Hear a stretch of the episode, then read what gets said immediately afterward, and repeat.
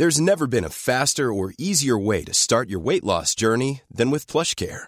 PlushCare accepts most insurance plans and gives you online access to board-certified physicians who can prescribe FDA-approved weight loss medications like Wigovi and Zepbound for those who qualify. Take charge of your health and speak with a board-certified physician about a weight loss plan that's right for you.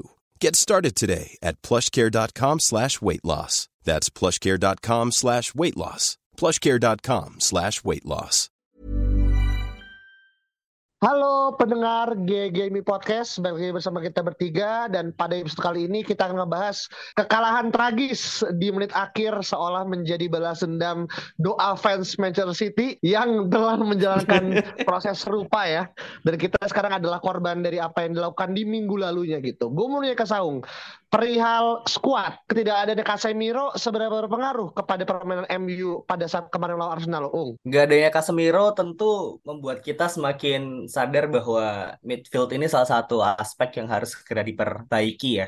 Karena kalau misalnya kita lihat kemarin tuh, gue rasa semua orang bisa sepakat bahwa seorang Christian Eriksen ini walaupun memang secara technical offensive dia oke, okay, tapi secara defensif dia cukup jadi uh, liability sih menurut gue gitu. Bahkan Saka pun juga bisa ngegolin kan ketika dia di uh, apa namanya dijaga oleh Eriksen dan sampai akhirnya i, apa dia juga berhasil bikin chance yang sama gitu sampai akhirnya dia harus apa namanya uh, kena tiang kalau nggak salah di chance keduanya gitu dan itu kan di posisi yang sama juga yang di cover oleh Erikson gitu jadi memang ketidakadanya Casemiro ini tentu sangat krusial gitu cuman uh, kembali lagi gitu ini adalah sebuah proses dan gue yakin Ten Hag harusnya sih bisa uh, punch back ya di match berikutnya sih menurut gue. Oke okay.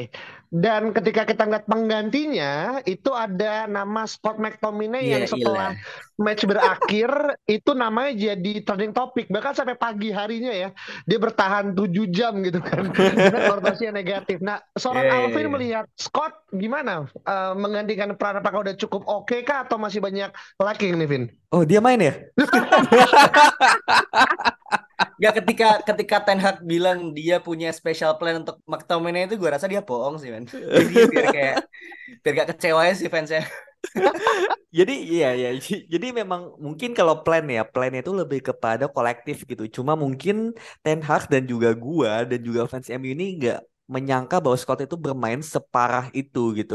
Mungkin kita juga agak tertipu ya dengan permainan dia di uh, ketika di Old Trafford melawan Arsenal, melawan Liverpool juga dia bermain dengan sangat baik. Mungkin itu karena masih di Old Trafford dan juga waktu itu Casemiro belum ada. Jadi Scott ini masih apa ya, masih panas lah kasarnya gitu. Dan mungkin kita juga bisa ingat ya kapan terakhir kali Scott ini main full atau main secara regular starter dan itu hampir udah lama banget dan mungkin itu juga gitu kesulitannya karena udah lama nggak main sekalinya main langsung lawan Arsenal yang mainnya kayak gitu dan lu harus bisa menggantikan Casemiro yang standarnya udah setinggi itu jadi memang satu sisi nggak bisa disalahin ya karena dia memang segitu-gitu aja tapi satu sisi memang kita kecewa gitu bahwa banyak momen di mana dia melakukan apa ya pengambilan keputusan yang salah. Contohnya adalah gol ketiga. Itu kalau teman-teman semua ingat ya itu ada momen di mana dia sliding tackle nggak kena dan itu bikin Wan Bisaka itu jadi di double. Dua lawan satu Trossard, Zinchenko lawan AWB dan akhirnya telat dia untuk nutup gitu. Itu kesalahan McTominay gitu loh di menit ke 90 itu yang menurut gua kalau misalnya itu Casemiro itu mungkin dia memilih untuk menunggu aja gitu dan ya mungkin ini musim terakhir Scott ya. We never know gitu. Ya, sebenarnya hmm, dia nggak okay. parah banget, Vin. Cuman emang Casemiro yang terlalu jago sebenarnya. Hmm. jadi, jadi kayak memang kan memang gimana, gimana? gitu. Eh, McTominay itu emang segitu gitu.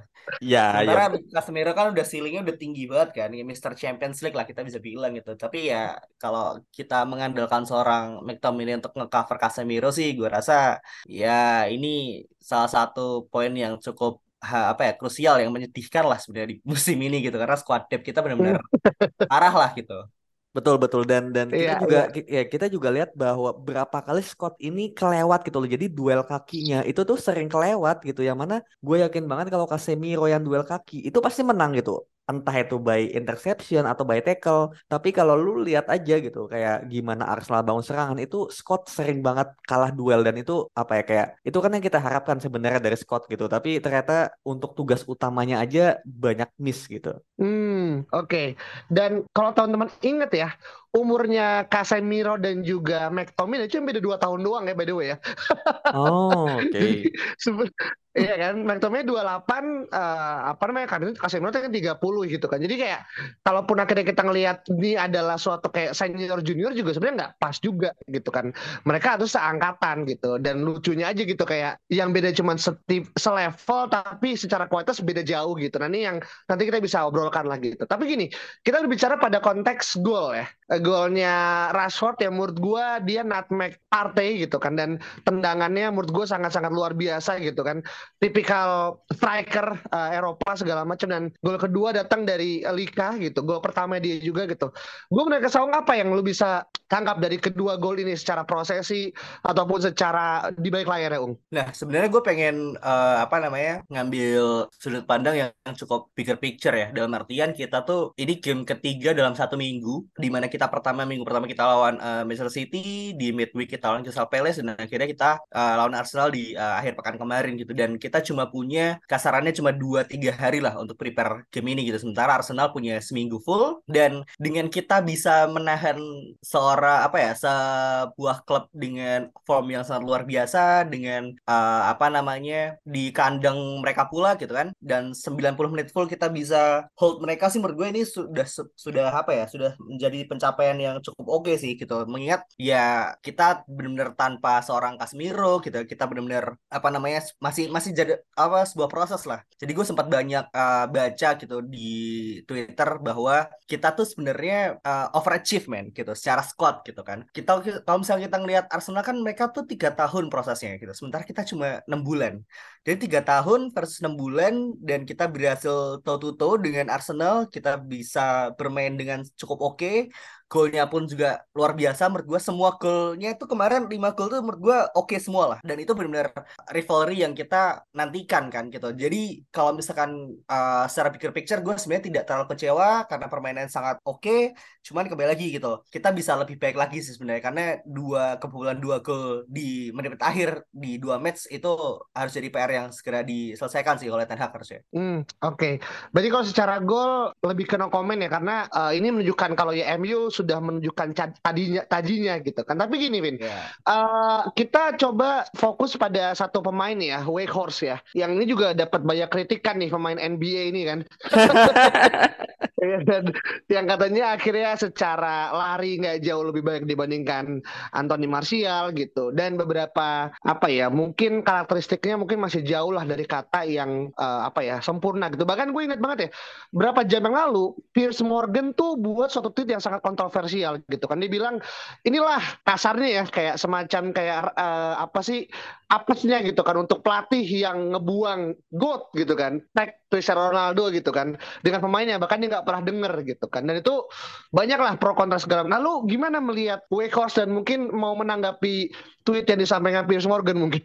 Ya Piers Morgan ya biarkan saja lah pak ya berfantasi di dalam dunianya sendiri gitu menurut gue. Jadi terserah dia mau nge-tweet apa karena nggak akan pernah gue beli gitu. Nah, cuma kalau misalnya ngomongin tentang Wild Horse itu sendiri, ya kita mau expect apa? Dari pemain yang kita belinya cuma 3 juta dan memang dari rataan gol meskipun ya dia rataan golnya bagus tapi itu juga banyak faktornya gitu bahwa Ten Hag ini sekarang menggunakan dia itu lebih kepada mesin pressing dan juga bagaimana dia harus bisa hold up play menahan bola kemudian dia juga berikan kepada temannya dan menurut gue itu cukup sukses. Bagaimana kita lihat semalam pressingnya itu sangat mengganggu cuma balik lagi yang namanya pressing itu kan harus kolektif nggak bisa pressing sendiri-sendiri. Percuma kalau misalnya Wake harus pressing tapi resernya diem aja. Percuma bolanya lewat-lewat juga kan gitu. Jadi masalah pressing ini kita mungkin melihatnya usahanya dia juga gitu. Kita lihat bahwa dia rajin pressing 90 menit dan hold up play-nya dia juga cukup bagus menurut gua beberapa kali. Cuma memang yang gua lihat juga passingnya dia mungkin masih agak ngawur gitu. Dalam arti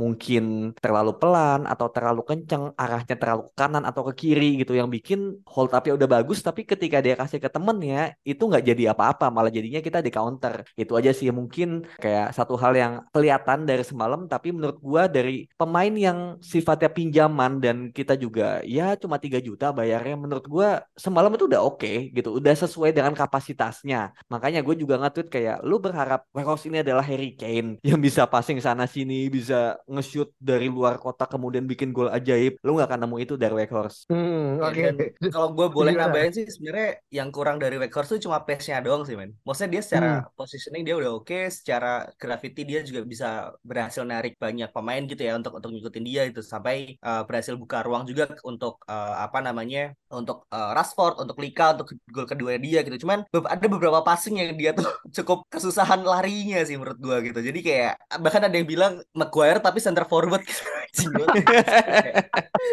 Maguire malah passingnya lebih bagus kayaknya. Makanya gitu. Tapi ini ini bisa bisa jadi uh, catatan bahwa di musim depan harusnya kita punya striker yang secara pace juga cukup oke okay sih gitu. Karena uh, Bruno Fernandes kan secara uh, chance creator dia juga cukup tinggi dan true pace-nya juga gitu. Jadi kalau misalkan ada pemain yang bisa lari kejar bola yang dia kasih sih harusnya kita uh, bisa killing the game sih menurut gue. Hmm, iya iya iya iya. Oke, berarti ini untuk Horse nih masih ya bahasanya ini ya Vin ya. Dikasih benefit of the doubt ya Vin ya. Iyalah, masih masih atau memang ya menurut gue udah sesuai aja gitu. Memang kapasitasnya seperti itu dan kemarin ketika lawan Peles kan itu pertandingan pertama wajar gitu dan bahkan dia udah memberikan sebuah impact yang of the ball movement ya. Dan kemudian sekarang Arsenal. Jadi memang belum aja, belum waktunya kelihatan aja dan menurut gua uh, games-games selanjutnya itu kan lebih kepada pertandingan cup ya. Ada semifinal Carabao, ada juga babak keempat Piala FA dan menurut gua di situ bakal kelihatan Weghorst yang sebetulnya. Oke, okay, oke. Okay. Nah, kemarin kita juga sempat bahas ya di preview bahwasannya ada satu nama yang mungkin menjadi salah satu apa ya uh, ancaman lah gitu kan. Dan gue sempat nyebut adalah Bukayo Saka gitu kan. Yang kemarin dia menunjukkan level permainan yang menurut gue di match kemarin satu tingkat di atas dari uh, Anthony ya gitu. Meskipun beberapa kali Anthony sempat ngelakuin trik ya dan nutmeg satu dua tiga empat pemain gitu kan. Tapi kemarin secara efektivitas dan juga secara level threat menurut gue Saka dengan dia sedikit mengcopy ya uh, gaya Rashford gayanya Megawati dia, ya iya dia luar biasa gitu kan even Eddie Nketiah yang orang mungkin ngerasa kayak dia tire empatnya Gabriel Jesus pun kemarin dia ngelakuin brace gitu kan dan akhirnya uh, Saka berhasil menyamakan rekor dari Freddy Ljungberg dan juga Terry Angri ya yang akhirnya mencetak tiga consecutive goals ke gawang MU secara berturut-turut gitu. Karena terakhir lu Ung melihat penampilan kemarin dari Saka dan juga ini apakah ini adalah suatu momentum gitu kan untuk akhirnya para pemain MU bisa jauh lebih main kolektif. Kadang kemarin kita lihat ya, Trossard juga main di babak kedua akhir gitu kan dan beberapa cara squad player mereka kalau kita ngomong main bintang gitu, menurut gua MU jauh lebih punya nama gitu kan. Tapi apa yang lu bisa ambil petik sebagai pembelajaran deh dari match kemarin kira-kira Ung? Match kemarin membuktikan bahwa uh, apa namanya Luke Shaw itu perlu dihumble sedikit ya oleh Saka ya. Karena dia kan agak di atas angin tuh ketika dia main terus gitu dia main CP juga bagus gitu. Dan ketika dia ketemu sama Saka dia akhirnya dibawa kembali ke lagi ke bumi oleh seorang pemain yang menurut gue sangat luar biasa. Dan tentu secara kolektif kita harus punya solusi ya untuk pemain-pemain seperti ini gitu. Karena tidak cuma Arsenal yang punya pemain seperti Saka gitu. Bahkan mungkin pemain-pemain lainnya yang uh, yang kita akan lawan di match pasti juga punya hidden gem dan power seperti itu gitu sih menurut gue dan um, yang jadi catatan yang jadi momentum selain untuk MU yang harus lebih solid dalam segi defense terutama last minute tentu uh, klub-klub lain seperti Chelsea, Real Madrid itu juga harus memanfaatkan momentum kalau Saka itu kontraknya habis di tahun depan ya. jadi kayak ini harus segera dimanfaatkan kan untuk menyelamatkan sebuah Premier League dari another megastar tuh Barca dan Madrid tuh harus segera bergerak sih menurut gue. Atau klub sebelah ya, Chelsea kan yang lagi Iya benar, Top Bailey kan tuh agak random ya. Jadi kan siapa aja bisa dibeli tuh. Ya kaget juga sih kalau misalnya Saka bentar lagi dibeli juga sih. Meskipun banyak orang ngomongnya kayak, kayak kandang babi ya. Ya udah nggak usah lama-lama ngomongin tim peringkat 10 lah Pak. Ganti yang lain ya Pak. Oke, nah gue udah mungkin ke Alvin ya sebagai catatan. Tapi ini gini, uh, salah satu blessing in disguise-nya adalah ini kan pekan ke-19 ya. Berarti kan masih ada 19 pekan lagi untuk mengakhiri kan, karena kan 38 uh, eh, apa namanya max uh, match day gitu kan. Yang mana kan orang bilang kan juara itu baru ketahuan tuh April gitu. Juara tengah musim tuh memang ada korelasi positif, tapi tidak selamanya gitu kan. Nah, dengan akhirnya kita udah ketemu City dua kali, Arsenal dua kali gitu kan. Berarti kita udah terbebas dari para jeratan penghuni neraka ini.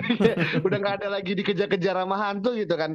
Lu ngelihat apakah ini adalah suatu momen untuk akhirnya kita revamp atau kita lebih kepada men, apa ya menyesuaikan standar kita jarak ketinggian lah. Karena kita suka ketinggian kan.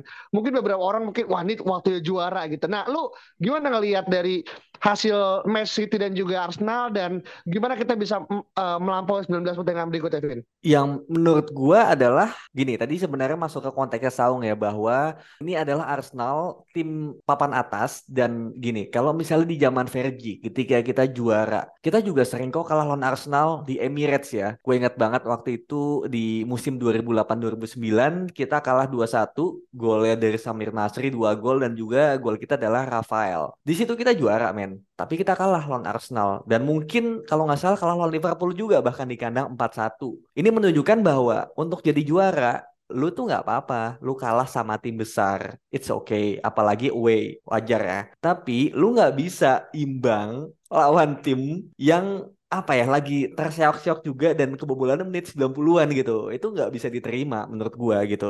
Jadi kalau misalnya benar-benar mau juara, menurut gua MU nggak boleh kehilangan poin melawan tim-tim yang menengah atau menengah ke bawah. Itu harus full 3 poin no matter what, mau home away. Tapi kalau misalnya lawan tim besar kalah, ya it's okay. Toh kita juga musim ini melawan tim besar kita juga cuma kalah sekali kalau dua kali ya di away gitu kan City sama Arsenal. Sisanya kita menang semua. Chelsea mungkin seri gitu. Tapi it's okay lah. Kita uh, apa ya gagal di laga tandangnya tapi kita kupas tuntas semuanya di home-nya gitu. Jadi menurut gua semua masih ada kemungkinan asal memang kita bisa memanfaatkan laga-laga yang kecil itu dengan baik dengan bisa lebih klinis dan lebih bisa killing the game. Itu kan poin gua dari zaman Ole ya. Gimana kita nggak bisa killing the game dan akhirnya dihukum di menit-menit akhir. Jadi kalau ditanya masih bisa atau enggak, masih aja sebetulnya. Cuma apakah yakin? Ya gue sih memilih untuk membumi aja. Enjoy the moment sih kalau kata coach Justin. Oke, berarti kan